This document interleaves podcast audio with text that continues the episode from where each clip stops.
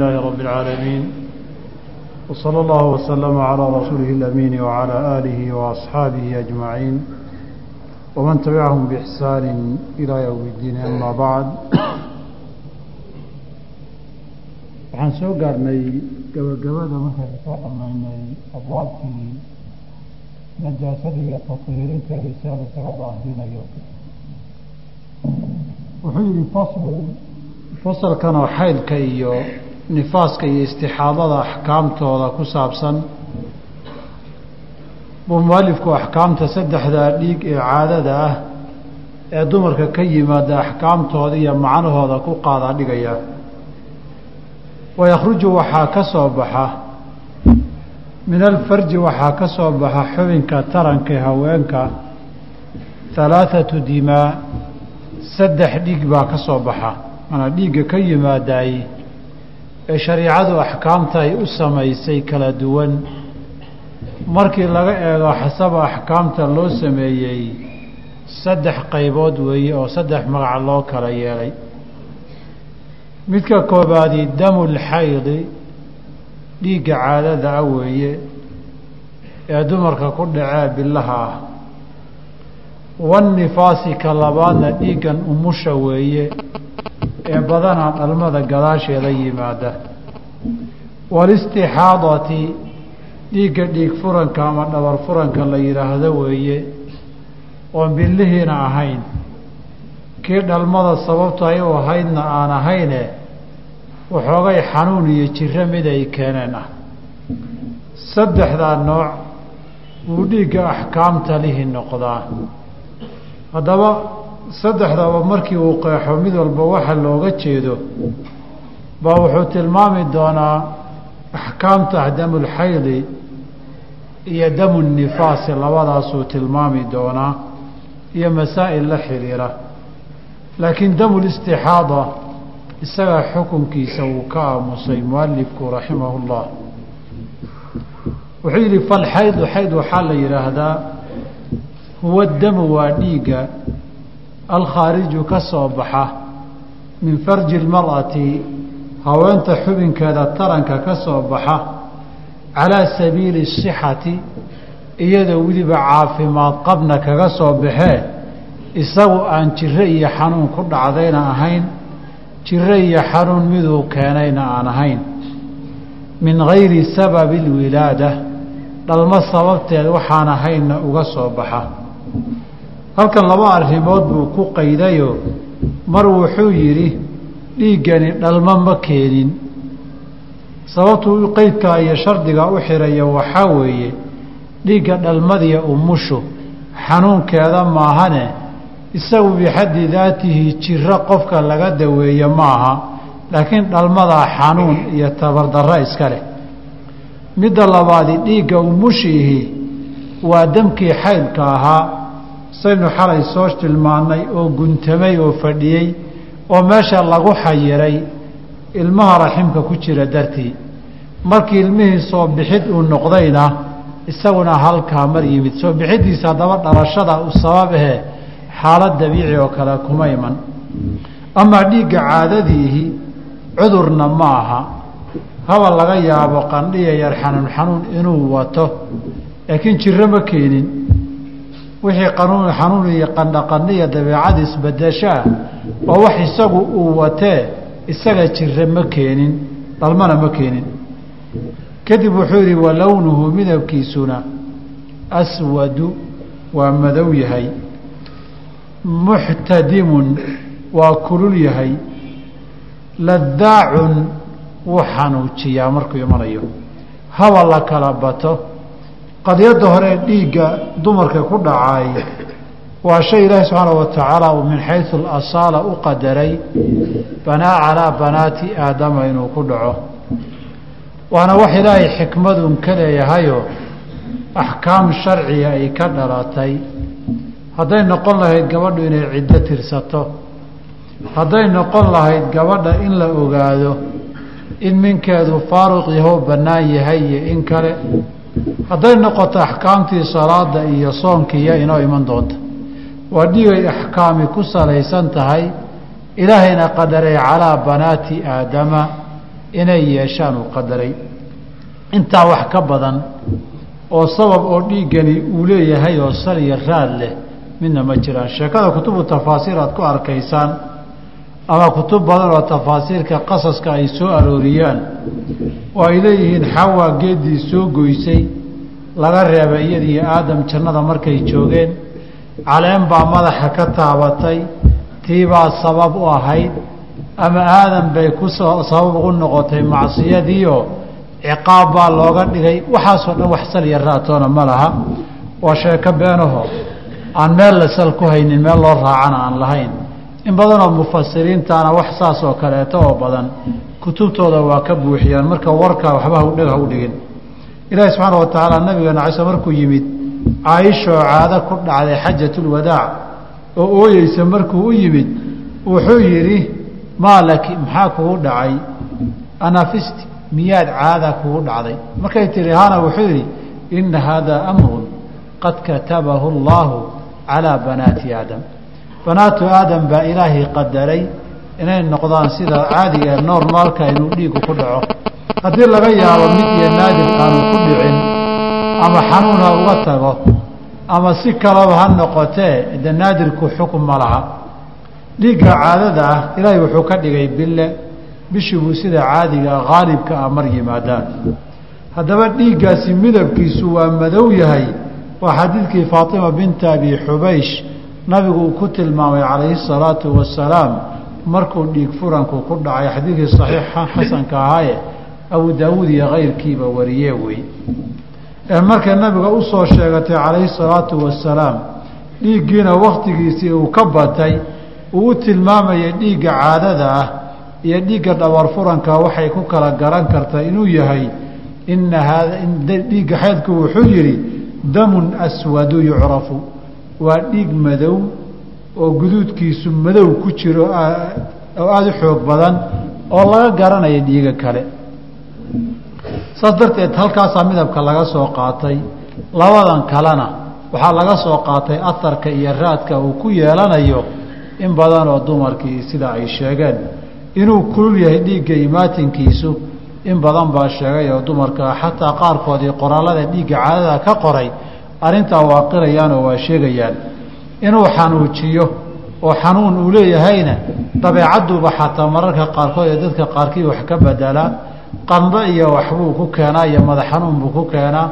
Dhiigga sidaasa weeye dhiigga caadadihi asalkiisuna bilah yahay wey wanifaasu dhiigga umushiihi dhalmadii huwa damu lkhaariju waa dhiigga soo baxay caqiba alwilaadati dhalmada gadaasheed soo baxay.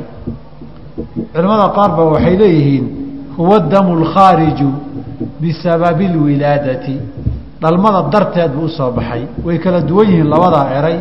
Haddii lagu dhaho bisababi اlwilaadati iyo caqiba alwilaadati lafdigani wuxuu caddeeyey madhabka shaaficiyadu sida uu yahayo dhiig nifaas waxaa la yidhaahdaa wixii dhalmada kadib soo baxaa la yidhaahdaa dhiigu haddaba saddex xaaladood ama saddex waqti saddexdaba waa soo bixi karaa. Haweentu intay foosha tahay ama maalin iyo labada u dambaysee la soo qabqabanayo ilmuhu marka uu soo foorarsadee soo dhowaada waktigu minkaa furma. Si ilmuhu dabiici ugu dhashana ilmuhu hadduu toos u yimaado minkuna intii loogu talagalay uu furmo. Haddaan cillad kala jirin ilmuhu caadi buu u dhashaa biidni illaahi haddaba minkani furmayaay waa kii ilmuhu ku jiray dhiiggana hayay wey.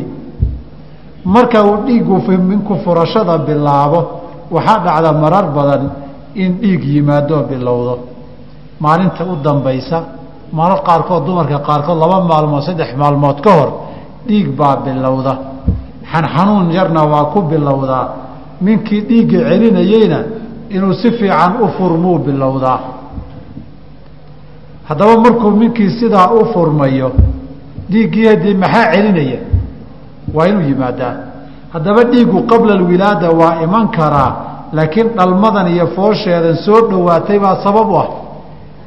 Dhiigga qayb labaadi waxay la timaadaa maca alwilaadati ilmuhu marka uu dhalanayo ama madax soo bixiyo ama gacan soo bixiyo ama haddii uu dabaken yahay lugaha soo bixiyo dee dhiiggii waa soo raaci karaayo dhiig baa soconaya. Dhiigna waa sida uu badan yahaye ilmuhu markuu soo dhammaado buu dhiigga inta dambana ay timaadaa inta ugu xooga badan. Shaaficiyadu waxay leeyihiin haddaba addamu alkhaariju bacda caqiba alwilaadati midkaasaa damu nifaas. Labada hore damu nifaas ma aha. Halka fuqahada qayb badan iyo awjuh shaaficiyadu leeyihiin ay leeyihiin maya dhiigga maca alwilaadati ah ha lagu dara ilmuhu intuu soo baxayo dhiigga qubanayana waa damu nifaasi wey ee axkaamtiisii siiya. Halka khilaafku ugu adag uu ka taagan yahay dhiigga maalin iyo laba ka hor imanaya. Ahna dhiiggii urursamay ee ilmaha dartii u urursamay. Sababtu u imanayana fool soo dhowaato raximku furmay ay tahay.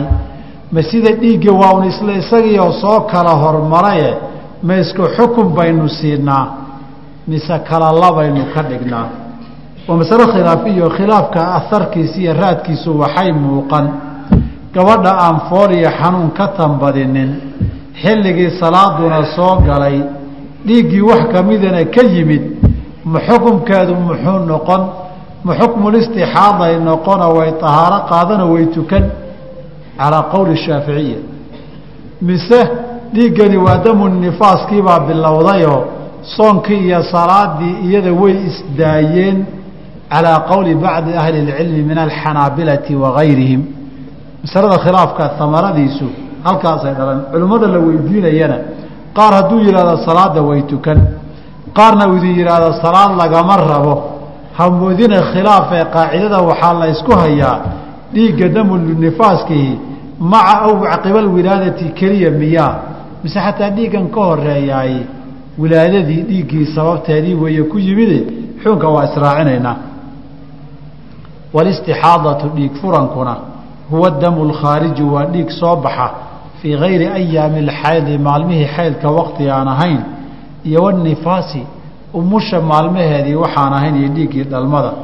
Waana dhiig asalkiisu xanuun iyo jiro ay keento walidaalika nabigu faatima binta abi xubaysh markay dhiiggaa badan uga sheegatay ku yidhi inamaa daalika cirqun walaysa bilxaydati waa xidid fakada iyo xidid go'aya wax lamidoo jiradaye dhiig caado a maa waxaan maalmihiisii dhaafeen kalaba go'aynin saa darteed xilligii caadada markii la gaaro see u dhaqmi lahayd buu sheegay haddaba maadaama mualifku uu sheegay damu lxaydi wa damu nifaasi axkaamtoodii uu sheegay iyo qadarkoodii baa waxaynu tilmaamaynaa damu listixaadati axkaamtiisaynu ka hormarin gabadhu hadday caadadii qabto ama umushii ay ku jirto inta dhiigga ay leedahay muddadiisiina lagu jiroo laga hadli doono inoo iman doontahay salaadna laguma laho kana asixi mayso mana soomi kartoo soon kama asaxa laakiin soonka dib bay ka qadayn doontaa.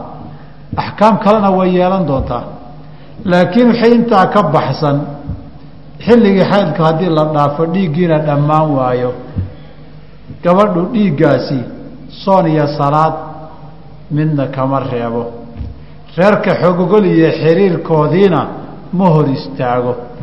Keliya wuxuu kaga duwan yahay xaaladdii caadiga ahayd inay salaad walba inay u weysaysato la rabo oo iska dhaqda wixii gaadhay ama labada salaadood jamac suuriya ay ku samayso duhurka intay soo dibdhigto markii wax yarun ka laaban yahay intay tahaaro qaadato ay tukato casarkana sidaaduu u soo galaba ay raaciso.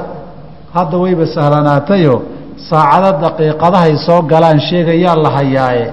Salaadaba ku beeg inaad salaaddii duhur ka baxdo iyadoo daqiiqadii salaada casar soo gelaysay ku taagan tahay. Markaana salaaddii kale hore intaad uga aqimato iyadana raaci. Maqribka iyo cishahana sidaa yeel. Labadaa khiyaar baa u furan. Haddaba waxay ku xihan tahay dhiiggaa ku dhacaya gabadhii inaanu ka reebaynin soon kama reebo salaadna kama reebo salaadaha unbay mid walba u weysaysan ugu badnaan toddoba iyo labaatan beri saddex iyo labaatan beri bishii noqon karaa. Haddii kale lix iyo labaatan baa laga dhigi. Gabadhu maxay ku kala garan haddaba? Oo xukunka say ku kala siin dhiiggii istixaadadaee dhiig furanka ahaa iyo kii caadada ahaa maxay ku kala garani? Saddex xaala mid bay ku kala garataa. Gabadhu mid mar waa muctaada wax la yidhaahdo marna waa mumayiz mumayiza mid la yidhaahdo marna waa mid la yidhaahda mutaxayira gabadhu muctaado hadday caadadeedii garanayso bisha inta uu kaga dhacayo waktiguu ku dhaca taariikhduu ku dhaca jiray way taqaan. Muddaduu hayn jirayna way taqaan. Caadadeedii bay raaci walidaalika nabigu wuxuu yihi calayh isalaatu wasalaam faidaa aqbalat xaydatuki xaydkii ku qaban jiray xilligiisii haddii la gaaro salaada iska daa waidaa adbarat hadday dhaaftana faktasilii wasalli qabaysoo salaadaha tuko saas darteed gabadhu hadday xaafidatan licaadatiha tahay goormay xaafidatan muctaado noqotaa waa laba sifo marka laga helo kow gabadhan hadda caado uguma horeysee horay ugu soo dhici jirtay laba kama qasmine xilliguu qaban jiray iyo xilliguu ka gu'i jiray bay taqaanaa muctaadaa la yidhaahdaayoo caadadeeday raaci gabadhna mumayizaa la yidhaahdaa oo caadadeedii ma garanayso ama haddaaba ugu horeyso oo caado hore ma lahaan jirin. Laakiin mumayizaa la yidhaahdaayo dhiiggay kala taqaanaa oo tilmaantii nabiga ay kalay qaadano ina dama alxaydi damun aswadu yucrafu. Dhiiggii hadday kala garanaysa midabadiisa inta kaa madow uu socdana caadadii bay ka dhigi inta kalena dhiig furankii axkaamta kale lahaa wey. Haddaynan caado lahayn ama caadadii ka lunto oo ka wareertay dhiiggiina ay ku wareerto ay kala garan weydo. Mutaxayiraa la yidhaahdaa. Gabadh wareertay laa caado ma hayso ama maba lahayn walaa tamyiiz dhiigay kala garanaysa ma jiraan fataxayadii sittata ayaamin aw sabcata ayaamin wey haalibulxayd bay raaci lix beri ama toddoba berina axkaamulxayd bay bishii qaadan saddex iyo labaatan ama afar iyo labaatan berina axkaamtii dhiig furanka oo salaadaha ay tukanaysay bay qaadan lixda iyo toddobada ma adigu taad rabta dooraa maya waxay u noqon qoyskeeda siday u badan yihiin haalibkaa hooyadeed ayeeyadeed walaalaheed habaryaraheed eedooyinkeed baa lagu noqon isku celceliskoodu. lix iyo toddoba haalibku xeedku waa intaas kii ay u bataan. lix hadduu noqdana lixdaa la raacin. toddoba hadduu noqdana toddobaa la raacin. hadday la kala garan waayo ama ay isu ekaadaan ama gabadhu qaraabo ay leedahayba ayna gelinaynina tukhayaru iyadaa khiyaar yeelan. lix iyo toddoba kaa rabto ka dhigaa la dhihi. mida galongaarku u qabana garan mayna haddaba damulistixaadadu axkaamtiisu waa la soomi salaadana waa la tukan. Wixii reer iyo rag iyo dumar isqabayna xiriirkoodii gogoleed waa bannaan yahay. Salaad kasta way u weysaysan ee qabays lagama rabo. Markay qaxeylkii ka caada tahaaro qaadanaysunbay qabaysan. Ama labada salaadood way isku soo dhoweynoo hal weysay ku kulmin. Xaydkiiba haddaba soo haray. Wa aqalulxaydi xayd waxaa ugu yar yowmun wa leylatun habeen iyo maalin. Fuqaho badan oo reer xijaaza warkaas qaba. Aayad iyo xadiidna midna ma laha. Aayad iyo xadiid midna ma laha. Waa un iyagu intii xijaaj iyo eriyada ay joogeen waxay leeyihiin markii aanu dabagallay haweenka xaadada ugu yareen aragnay inta ay hayso waa habeen iyo maalin bay yidhahdeen. Wa agaruhu inta ugu badanna khamsata cashara yowman shan iyo toban maalmood inuu hayo weeye. Isniyadana waxay ku saleeyeen laba arrimood bay ku saleeyeen marka koowaad waxay ku saleeyeenoo waxay yidhaahdeen bishu waa inay duhri iyo xayd bay yeelataa. Duhrigana inta ugu badan inta ugu yar ee laba xayd dhexdood geli kartaay waa shan iyo toban beri. Hadduu duhri ugu yariyo shan iyo toban inta ka soo hadhaee shan iyo tobanka unba ugu badnaan xaydku noqon karaa waxaa kaloo ka wariyeen awsaaci hadal uu yidhi annaga waxaan aragnay buu yidhi imra'atan tara nifaasa shahrayni. Maytaa ma ahayn waxaan joogay toddomaan mooday haddaba qadiyadan waxay un ku salaysan tahay ijtihaadaadka ay ijtihaadeen iyo bishii xayd iyo tuhri bay isugu yimaadaan laba ugu kala qaybi haddii xaq laba wax isugu yimaadaan say u kala leeyihiinna la garan waayo qaacidat اlcadli wاlinsaafi raaco laba ugu qaybi. Marka waxay yidhaahdeen xayd maxaa ugu badan? Uhrina maxaa ugu yar? Shan iyo toban iyo shan iyo toban dheh. Si aan bishii laba ugu kala goyno bishii laba jeer baa caado ku dhacday. Ama laba uhri bay noqotay aan loo dhihin. Wa qaalibuhu haalibka xaydkuna sittun lix aw sabcun toddoba weeye. Waana xadiidkii xamnata binti jaxshi leh markii ay caadii furanku ku dhacay uu nabigu uhi fataxayadii sittatan aw sabcatan uma اqtasilii uma اqtasilii wasalli lix beri ama toddoba beri xayd iyo caado isku xukun oo ka dhigo. Kadib qabayso salaadaha tuko waana xadiid xasana oo sunanka iyo keyrkood ay wariyeen wa aqalu nifaasi. Dhiigga umusha waxaa ugu yar laxdatun ilbiriqsi baa ugu yar. In wax yaroo dhiiga ka yimaado baa ugu yar dhiigga nifaaska ah. Wa agaruhu waxaa ugu badan situuna yowman lixdan maalmood baa ugu badan. Hadalka awsaaci oo leh gabdho umul ahaadoo dhiigga arka laba bilood baa nala jooga.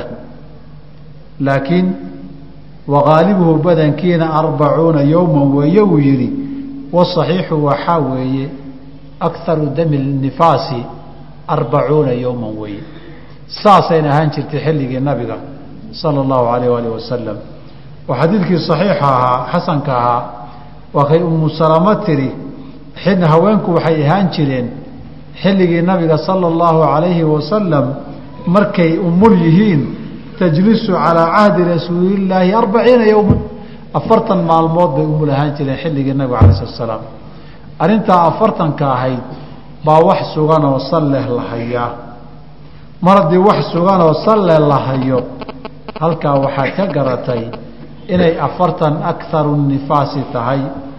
Laakiin akarkiisu inuu situuna yowman yahay qowlkaa awsaaci bay ku saleeyeenoo qowl daciifa wey wa aqalu uhri daahirnimadan ugu yar bayna alxaydatayni laba xayd dhexdood khamsata cashara yowman shan iyo toban maalmood wey.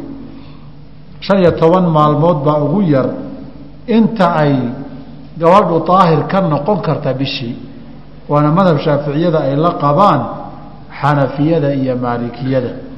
Qaarkoodna ijmaac bayba soo guuriyeen walaysa bisaxiixin ijmaacaasi wax jira maaha. Waxaan arrintii aan soo sheegnan bay cuskadeenoo bishii waa hal caado ah iyo hal uhri ah bay yidhaahdeen.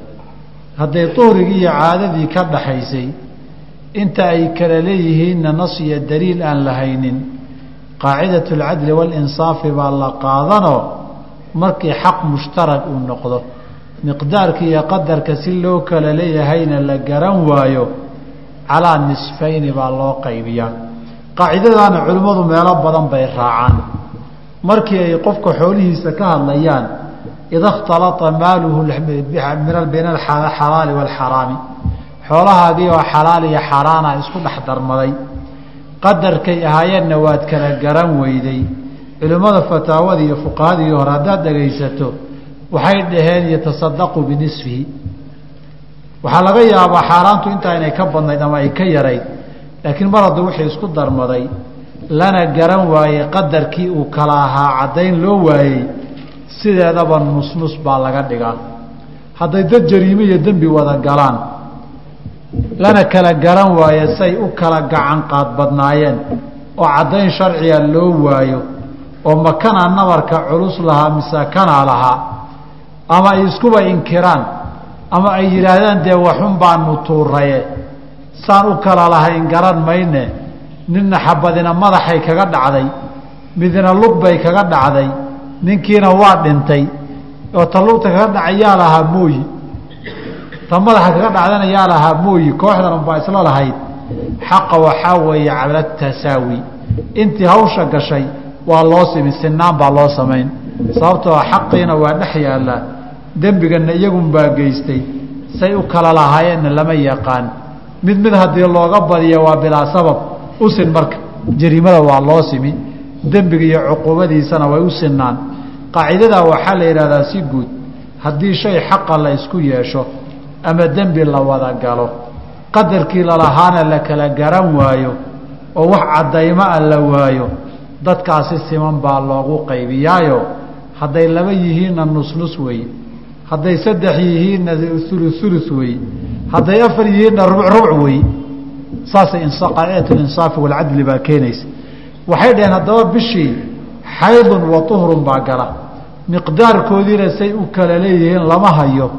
Idan qasimha cala nayni laba u qaybiyo kana nusi kana nusi halkaasay fuqahadu la cuskadeen qaarkoodii qaar baa diidayoo waxay yidhahdeen aqalu uhri khamsata cashara wax la yidhaahdo ma jiraan waayo bil gudaheed bay saddex jeer caado intay ku dhacda gabadha bay saddexdaba ka daahir noqon kartaa waxaa la yidhi oo intee warkaa ka keenteen waxay yidhaahdeen imaamu daarimi waxau wariyey oo daara quطni soo saaray oo ibn abi shayba fi lmusanafi ku wariyey oo bayhaqi fi suqraa wاlkubraa ku sheegay bisanadin صaxiixin bay yidhaahdeen in cali xilligiisii radia allahu canhu wa ardaah ayaa amiira almu'miniina gabadh leh u timid gabadha nin bay kala tageen bil markay joogtay bay timid oo waxay tihi waan waan waa ciddadeydii way dhammaatay oo bilun baa joogtay seed ku dhammaatay saddex jeer bay caado igu dhacdo oon ka qabaysto oon ka daahir noqday bay tihi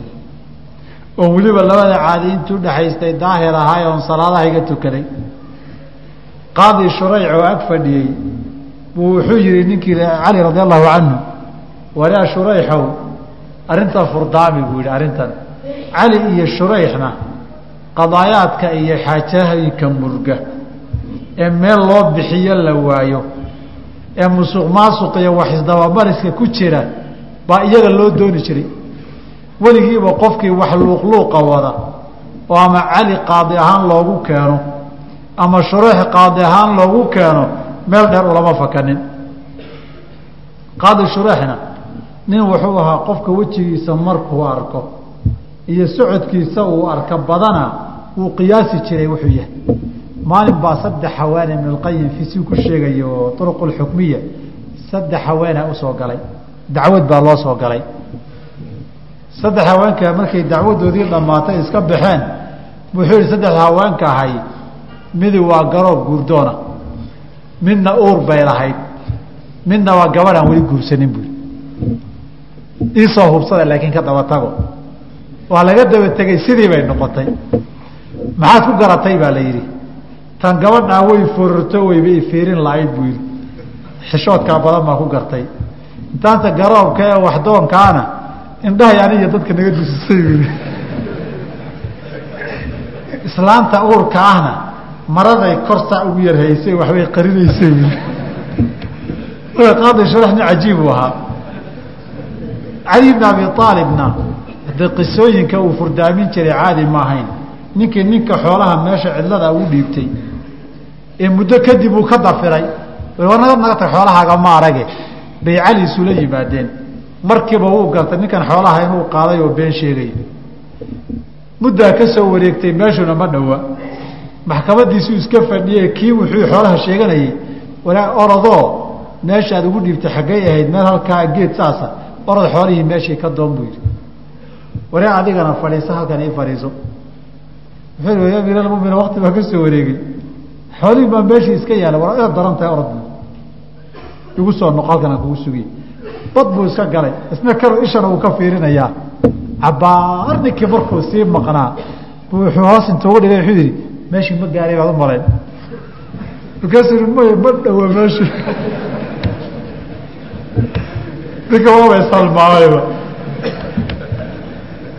maba dhow yiri meesha haga dhowda markaasuu yihi yaa cabdi wallaahi maba arag meesha ma tegin baana dila dhaweyna waa garanaysaa halkaas soo dhiga xoolihii. Islaanna waxaan ku soo gebagabeeyey intaase. Islaanna wiil weyn bay lahayd. Inay guursatay damcday wiilkeedii dhowr iyo toban jirka ahaa bay ka guursan weyday nin bay la heshiiso inay isdhaafisay rabtaa marka. Waxay tiri guriga iga bax. Wuu diiday dacwad bay keentay cali bay u keentay. Waxay tiri cali ow ninkan ajnabiga ee weyn baa guriga ka kar lahay oo daaqadu niga soo boodayay dhaafi. War waa hooyaday war ma dhalin mana aqaanay dhaafi. Cali waa gartay wiilkeedii inuu yahay laakiin ninkani caqabad ku noqday wuxuu yidhi wiilkan kaxeeya oo caawa meel u gelbiya. Adigana waxaad yeeshaa gabaray berri subax ii imo. Wiilkii uu yeeray markay tagto wuxuu yidhi anaa hooyadaa ku ogolaysiine waxaan ku dhaha un haye idha adigu. Wuxuu dhihi doonan uma sheegin. Subaxii baa la soo fadhiistay gabadha weligeediina wuu u yeeray. Wuxuu yidhi gabadhan wilaayadeedii cali haddaana igu wareeji aniga haye ku wareejiyey wey wiilkii buu ihi soo fadhiiso. Gabaday wiilkan gurigii waa laga karilayahaye waan isukin xalaalayno waan isukin meheri buu yihi in alxamdu lilahi naxmaduhu buu ka bilaabay. Markay aragtay xaajada inay meel aad ka degeyso waxay war cali waranaa dhalay war meheri qaban maayo. Bil gudaheed baan saddex jeer caaday igu dhacdoon daahir noqday bay tiri.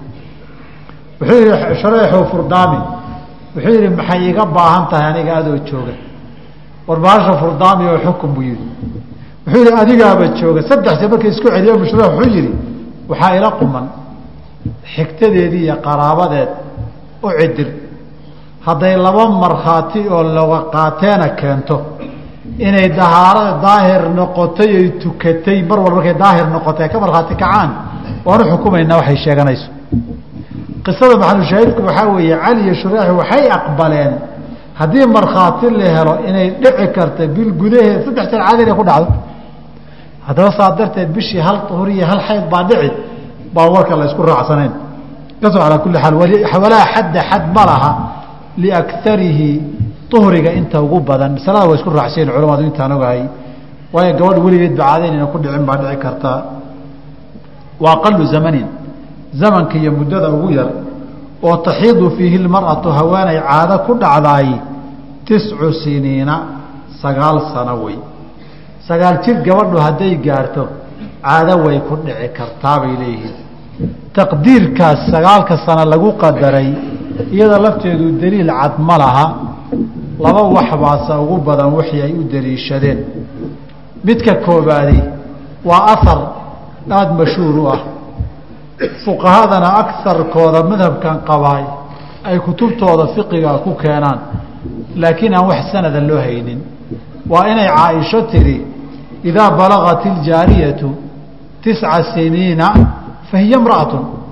Gabadhu hadday sagaal jir gaarto naag weyn weeye caaisho waxay leeyihiin riwaayadaas ninka la yidhaahdo bayhaqi unbaa sunankiisa waruwiinaa yidhiye weli culimo badan sanadkeeda maanan aragoo lama hayay leeyihiin laakiin waxaa kaloo daliishadeen aharay daara quطni u wariyey wa min ariiqihi lbayhaqi u wariyey waa ahar raggii dambe ee taabiciinta ay ka dambeeyey nin la yidhahdo cabaad ilmuhallabi baa wuxuu yidhi reerka yaga waxaa joogtoon anigu isu nolol ku soo gaaray isla islaansi gabadh sideed iyo toban jira oo ayeeye ah ayeeye sideed iyo toban jirta baan anigu gaaray sagaal jir bay ku dhashay buu yidhi gabarh bayna dhashay. Gabadheediina sagaal jir bay ku dhashay. Sagaal sagaal lagu daray mise marka? Sideed iyo toban jir ayeeye aan anigu arkay buu yihi oo reeraha iyagoon soo gaaray. Taana waa cuskadeena ogow. Waxaa kaloo cuskadeen oy si fog u raaraadiyeen. Nabigu alayh salatu salaam caaisho waxaa lagu meheriyey wahiya ibnatu sitti siniina iyadoo lix jirta. Wa banaa bihaa wahiya ibnatu tiscin sagaal bay jirtay markii loo aqalgeeyey nabiga alayh salaam innaga soomaalida waad la yaabaysaan laakiin qowmiyaadka qaarkood oo afaanis afaaniyiintiiyoon arkay inay qayb kamida u yihiin inay wada yihiin ma garanayo waddankooda ma tegine sagaal jirku qof weyn wey marka bii-aadkuna inay kala duwanaadaanna waa dhici kartaa wa aqalu lxamli ur waxaa ugu yar sittatu ashhurin lix bilood wa akaruhu inta ugu badanna arbacu siniina afar sano weeye wa haalibuhu sida haalibkiiyo badanaaba uu noqdana tiscatu ashhurin sagaal bilood weeye uurka waxaa ugu yar baa la yidhi lix bilood lix bilood rag badanoo ku dhashayna dadku way sheegi jireen shawkani raximah llahu tacaala kitaabkiisa sayl jaraar almutadafiqu calaa xadaa'iq ilazaar wuxuu leeyahay ragga taariikhda muslimiinta caanka ahee lix bilood ku dhashay waxaa ka mid ah alkhaliifatu اlumawi muasis muasiska xaqiiqee lidowla اlumawiya cabdilmelik ibni marwan lix bilood buu ku dhashay. Inkastoo badanaa ilmaha lix ku dhashay uusan noolaanin laakiin qaybo noolaaday baa la arkay oon laftoodu yarayn. Marka waxaa weeye aayadna way tilmaantay laakiin dalaalat lishaara nooc la yihahdo ay ku tilmaantay ama cibaara dheh haddaad rabto kamaa cinda bacdihim qur'aanku wuxuu sheegay inta ilmaha caloosha ku jiro iyo inta ilmuhu uu nuugayay naaska inay soddon bilood yihiin wa xamluhu wa fisaaluhu halaaثuuna shahran waa labaatan soddon bilood weeye waxaa kaloo qur'aanku meel kale ku sheegay ilmaha nuujintiisu inay afar iyo labaatan bilood tahay. Xawlayni kaamilayni liman araada an yutima radaacata afar iyo labaatan bilood markii soddonkii laga gooyo imisaa soo hartay. Hadda aqalu lxamli inay lix bilood tahay baa laga gartay. Axkaam badanna way ka dhalatay. Wa akaruhu arbacu siniina.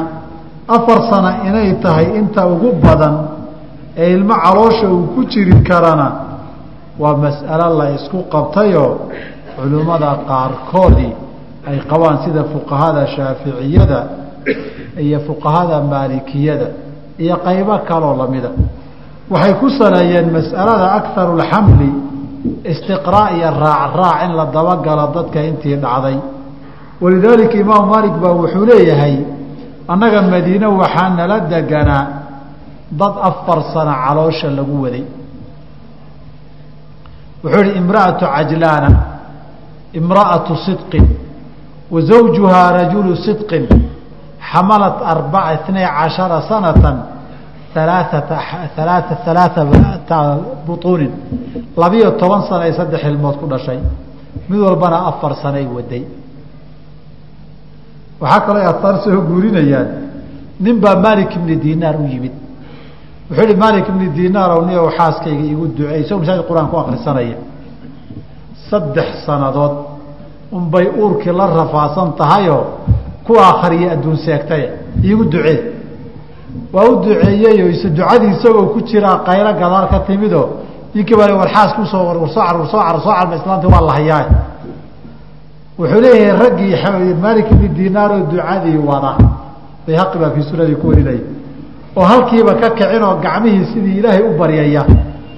Baa ninkii orday oo socdaa noo yimid wiil timo jareer ah leh oo ilka intaalle ay ku yaallaan garabka ku wadoo hadda dhashay.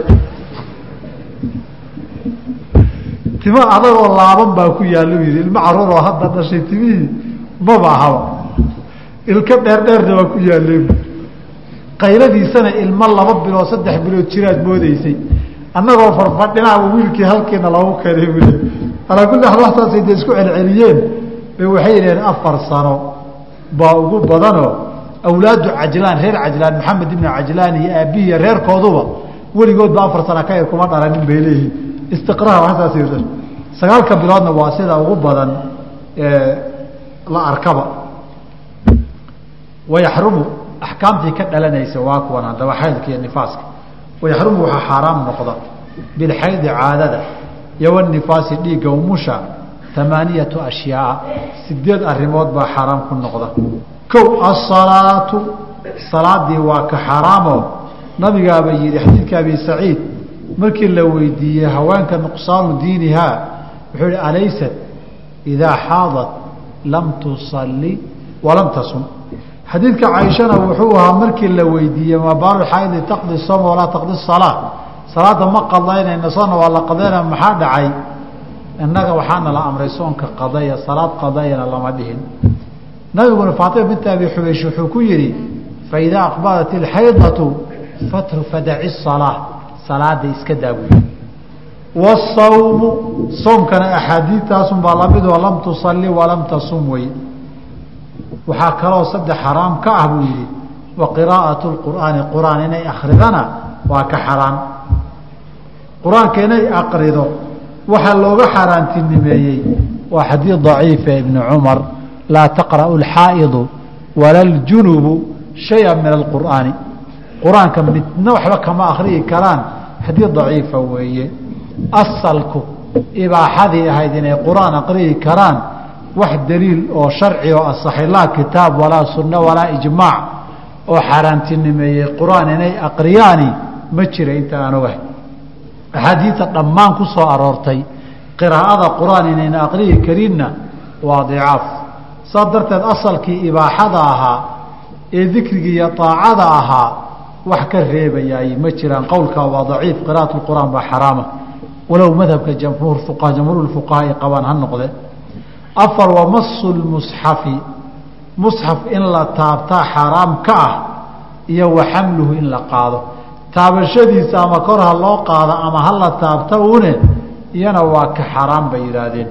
Waxay u daliishadeen aayaddii laa yamasuhu qur'aanka ma taabto ila almuطaharuuna iyo xadiidkii ahaa laa yamasa alqur'aana ilaa aahirun aahir qof aan isu taabanin haddaba lafdigan waxaa la isku qabtay daahirnimadan laga hadlayaay aayaddu horta waxay ka hadlaysaa ma qur'aankeennana mise waa lawxulmaxfuudka siyaaqa aayadka suurat lwaaqica lawxulmaxfuudka in laga hadlahayay bay tilmaamayaan. Markii saa la yidhi bay culimmada qaar waxay yidhaahdeen kaba soo qaadsoo qur'aanka ma ahayn wax isagoo lawxulmaxfuudka jira. Malaa'ig daahir baa taabata fahakadaa yambaqii dhulka haddii loo soo dejiyeyna sidii unbaa habboon kadib waxaa aayadii daahirka xadiidkan mursalkaa la isku qabsaday ahaaradan maxaa looga jeedaa? Ma ahaaratu lislaami ba? Oo qofka muslimkii waa daahir xadadkuu dooniba ha qabe. Taasay culimmada qaar qabaanoo waxay leeyihiin laba laba saddex saddexdaba waanu u deliishanay nabigu calayh salaam abu hureyre wuxuu ku yidhi ina almuslima laa yanjusu xayan walaa mayitan isaga nolol iyo geeritoona qof muslimii nijaas ma noqdo. Muxuu yahay?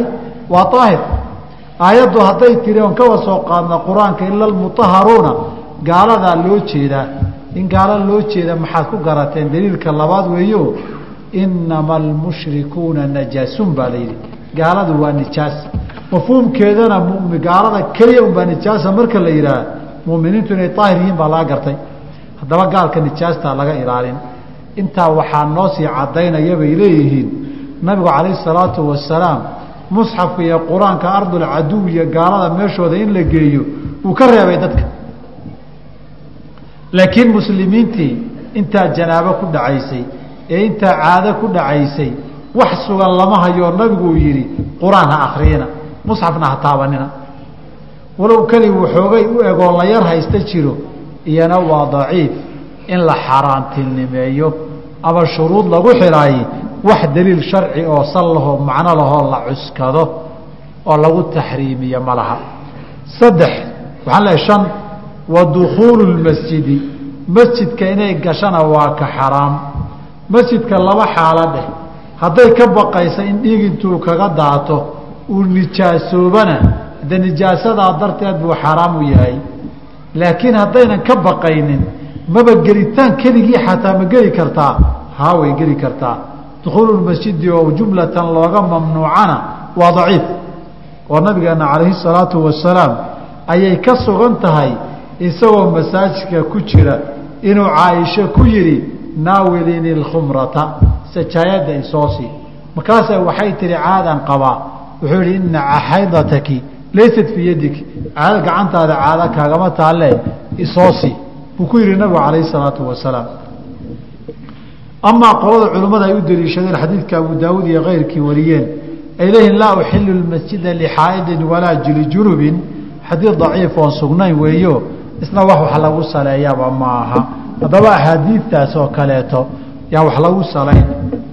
Haddii aad tidhaahdaan xadiidkan naawilini lkhumrata waxay tilmaamaysaa gacanta soo geliya iyadii ma gelin waxaan leenahay waxaa sanad jayida lagu wariyey min xadiii maymuunata cinda alimaami الnasaa-i inay nebiga xilligiisa ala slaam intay midood qaata waay midaaye waxay qaadi jirtay iyadoo xaaid ah bay sajaada intay qaado bay nabiga masaajka gudihiisa ugu soo gogli jirtay. Haddaba inay gashay waa muuqataa sow maaha taasi gelitaankeedusan mamnuuc ahaynna madhabka shaaficiyadu masaa'ilkan waxoogay waa adilada aada uguma dhadhowa waawaafu inaan ku siiya rabtaa sow maaha sideedan aan dhameeyeyso waawaafu awaaf baa xaaraamkaa kacbada inay awaafto nacam waa ka xaraamoo nabiga caaisha wuxuu ku yihi markay ifcalii maa yafcalu اlxaaju ayra an laa tatuufii bilbeyti kacbadase ha awaafin yaa nabigu ku yihi sal اlau alah wasalam mar haddii nabigu saa awaafka uga reebayna iyadana waa inay ka fogaato wey walwau in gogol loogu tago iyo galmadiina waa xaraam. Qur'aankaaba yidhi yasaluunaka can ilmaxiidi qul huwa adan factazilu nisaaa fi lmaxiidi ka fogaada ilaa ay daahir noqdaan ka fogaada la yidhi walistimtaacu istimtaaci iyo tataabashaha xaaraan ka ah bimaa bayna surati xudunta iyo warukbati lowga inta udhaxaysa in laga taataabtaa xaaraama. Oo waxaa weeye waa inay guntataa. Kana waxaa loo daliishaday laba xadiid. Mid waxaa weeye nabigaa la weydiiyey sal l slam ninku waxaa may nin baa wuxuu ihi maa yaxilu lii min imra'atii wahiya xaayidun haweentaydoo caado qabta maxaa iga banaan? Wuxuu ku yihi laka maa fowqa alizaari. Hoos guntiga guntiga waxa ka koreeya baad xaqu leedahay laakiin halka laga guntada wax ka hooseeya maya xadiid kalena caaisha waxay leedahay nebigu wuxuu samayn jiray ala salaam. Hadday midaayo caado qabto wuxuu dhihi jiray u amri jiray inay izaarka xirato ay guntato buu amri jiray. Waxay saas tahay culimmada qaar baa waxay yidhaahdeen hoos guntigaasi intaa waxaa ku ekaanaya qofkii haddii halkaa la dhaafo aan ishayn karin. Ninkii kale laakiin isnacuu kulla shayin ila nikaaxa baa nabiga ka sal slam wax walba oon galma ahayn baa idiin banaan caaishana waxaa la yihi ninka haweentiisa iyadoo caado qabta maxaa uga furan waxay tihi kullu shayin ila nikaax. Taasina waa sugan tahay. Haddaba fowqa alizaari marka la leeyahay waa min baabi afdaliya weeye. San hadhow meel kale wax kuula fakan. Laakiin inta inta dambe unbaa xaaraan rasmi ah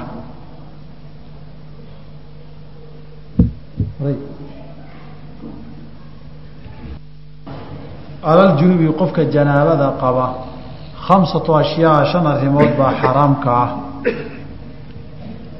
Midka koobaadee asalaatu weeye oon aayaddii suuratu nisaae yaa ayuha aladiina aamanuu laa taqrabu asalaata waantum sukaara xataa taclamuu maa taquuluuna walaa junuban. Ha u dhowaanina lihi janaabada. Waa inuu tahaaro qaataa. Wa qiraa'atu lqur'aani qur'aanka inay aqriyana waa ka xaraam. Wamasu lmusxafi wa xamluhu musxaf in la taabto iyo in la xambaarana waa ka xaraam.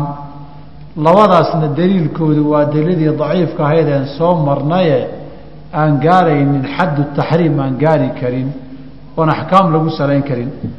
Waawaafu baa xaraamka ah oo haddaynu idhaha awaafka tahaara shardi ah. Laakiin waxay leeyihiin qiyaasan cala alxaydi weeyo xaydka iyo janaabadu waxay wadaagaan inay laba xadath oo akbar oo qabays waajibiye yihiin. Kan haddii uu xaaraantinimeeyey awaafkii kana tahaara alkubraa inuu qofku qabo waa shardi aho uma dhowaan karo. Wallubsu fi lmasjidi masaajidka inuu ku nagaadana isna waa ka xaraamo.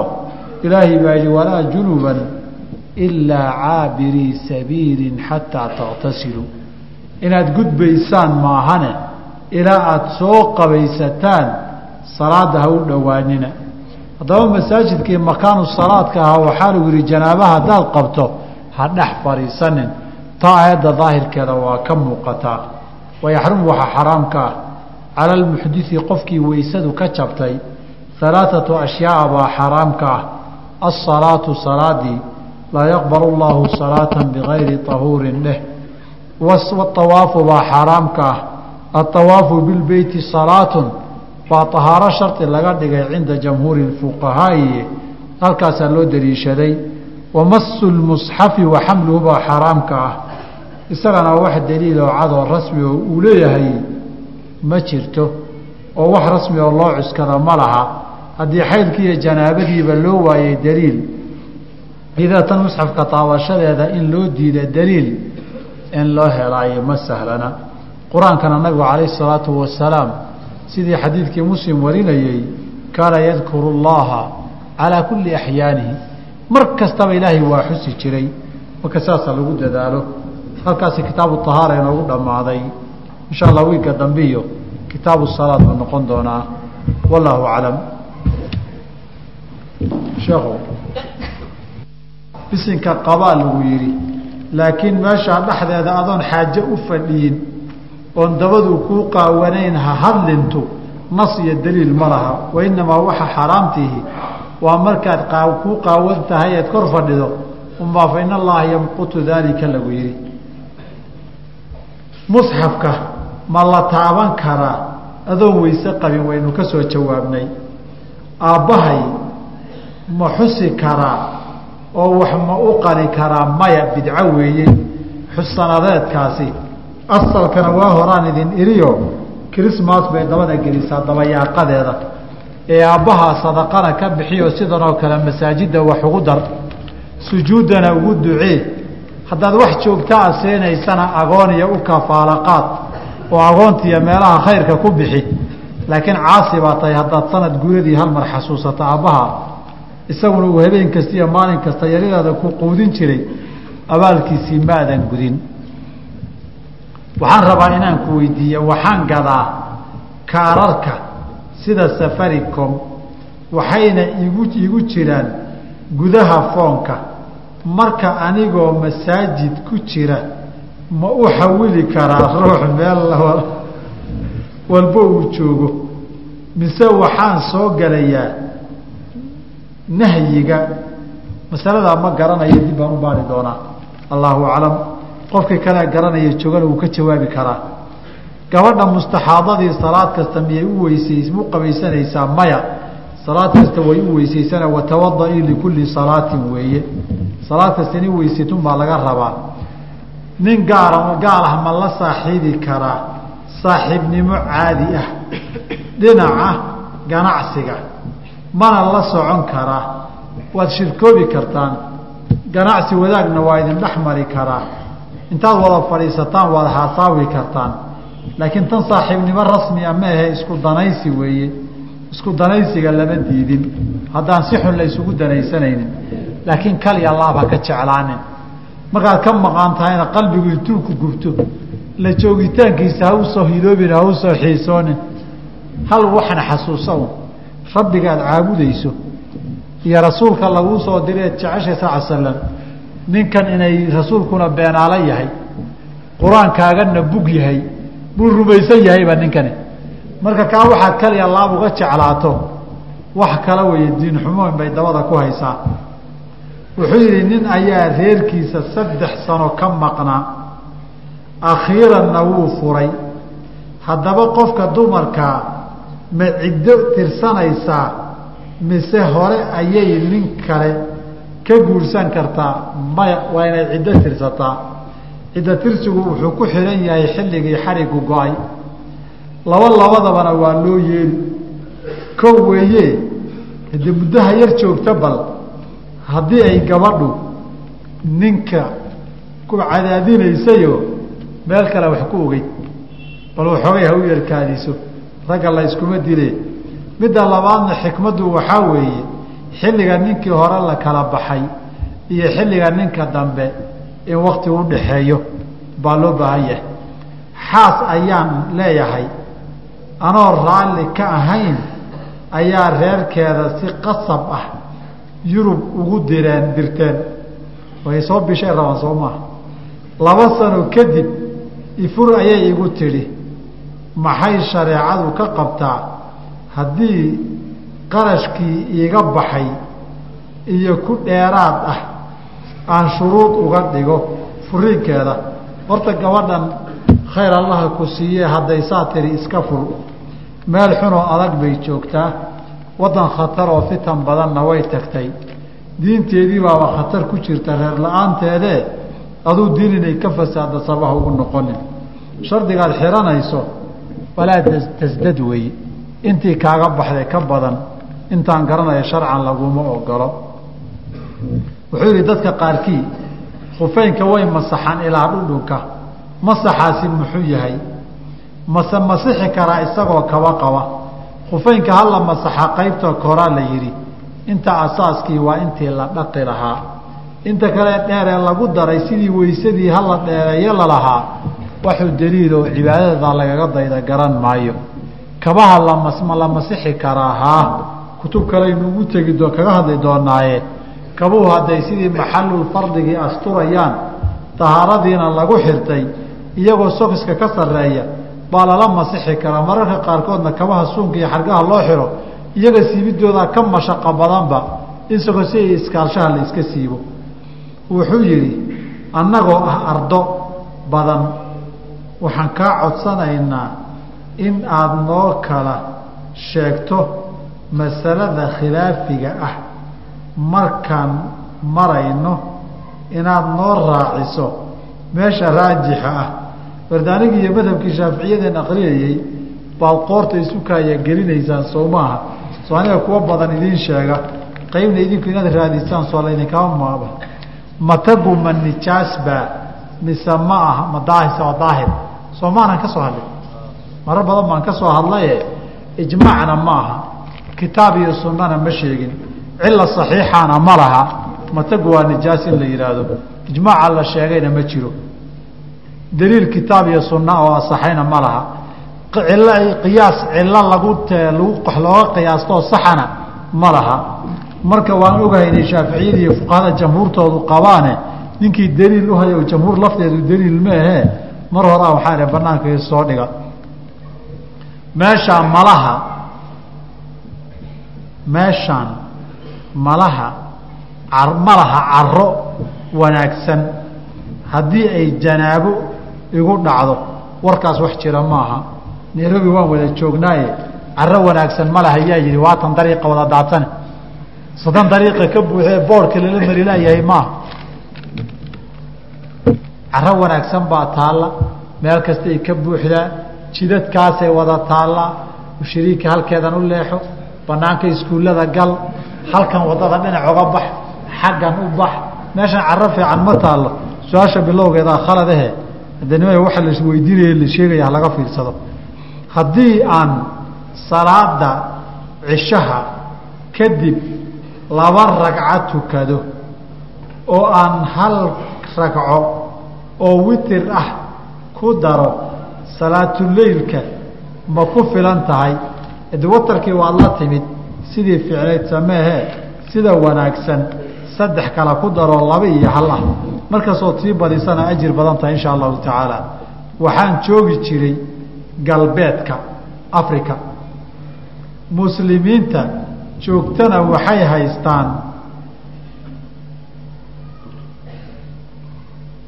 madhabta maalikiyada waa sax. Marka masaajidku ka buuxsamo imaamka hortiisa ayay safanayaan ama way ka hormarayaan saf ahaan. Sidaa iyaga oo sida iyaga oo jooga xaramka. Marka maxay ka qabtaa masalada minhaaj lama horodee abwaabu sufuuf igu keena. Waan ka hadli doonaa masale mashhuura weeyo maalikiyadiyo dad kale ka duwan yihiin. Fida maxaa la yidhaahdaa? Fidadu qalinkaa la yidhaahdaa. Iyadoo midabkeediiana waa la sameeyaa iyadoo macdan ahaanna way jirtaa. Waa maxay fido ma loo isticmaali karaa? Waxaan isticmaalno hadda sida weelasha qalin weelashan qalinkii asal ahaan fido ma wada aha midabkeedii bay leeyihiin dahabi iyo waxyaabaa jira. Marka fidadu yani dahabi walfidati haddii la reebay fidada asalka hadduu weelkaas yahay ma isticmaali kartid neef ari ah ayuu nin gaal ah u qalay ma xalaal baa mase xalaal ma aha. Gaalku hadduu ahlu kitaab yahay sidii diintu waafaqsanaydna xubnihii la goynayey u qalo neefka oo nool. Magaciisi iyo ilaahyo kalena uusan xusin waa xalaalo way bannaan tahay. Intaa mid ka mid haddii la waayana xaaraan weeye. Haddii la kala garan waayana xaaraan wey waxaan ku weydiinayaa sakada igu waajibtay oo aan diraayo lacagta sakada mayl meel ka baxsan meesha aan joogo lacagta xawaaladda miyaan bixinayaa mise ayay ka go'aysaa lacagta xawaaladdu waa jeebkaaga. Sakadii lagaa rabay ee kaamilka ahayd masaakiintii qaadan lahayd way joogtaaye adaa kuwa kala la jeclaystay sow ma aha waa arrin adu aada la timid oo dantii sakada aan ahayn. Haddaad arrinta la jeclaysatay kharashkeeda dusha u rida xaajiyow haddiiba se zaka aad bixinayso waxooga iyada xawaalada maxaad ugu bakayni allah mustacaan muxuu yahay? Way bateen farahay ka bateen. Muxuu yahay xukunka qaadku? Ma xaaraan baa mise waa xalaal. Dhar isaga laga gadayna ba lagu tukan karaa qaadku ma xalaal baa mise waa xaaraan waa xaaraan. Maxaa xaaraantinimeeyey waa maandooriye haddaad tidhaahdaan aayad alqaatu leh baan rabaa. Alqaatu aayad leh baan rabaa. Haddaad dhahdaan aayad alqaatu le ma haynee adigu inay salaadu kugu waajibtay. Aayad almaxamed leken. Salaada waajib iyo soonka kugu ah inay soon waajib kugu yahay aayad magacaaga sheegaysa ken qur'aanku iyo nusuustu magacyada ma daneeyaan. Macnahu xambaarsan yahay ka hadlaan. Ma waa maandooriye horta haddaad shaaficiye tihiinna qaadku inuu xaaraan yahay maba ka doodi kartaanba shaaficiyada maanta joogta carwarkaasa ha ka doodaan qaadku inuu xaaraan yahay. Soo mayna dhihin fiqiga shaaficiga hala raaco. Fiqiga shaaficiyadu waa xaaraan qaadku. Oo xaggee kaga qoran tahay miyaadan aqoonin haddii xilligii shaykheynka oo raaficiya nawi la soo dhaafo shaaficiye yaa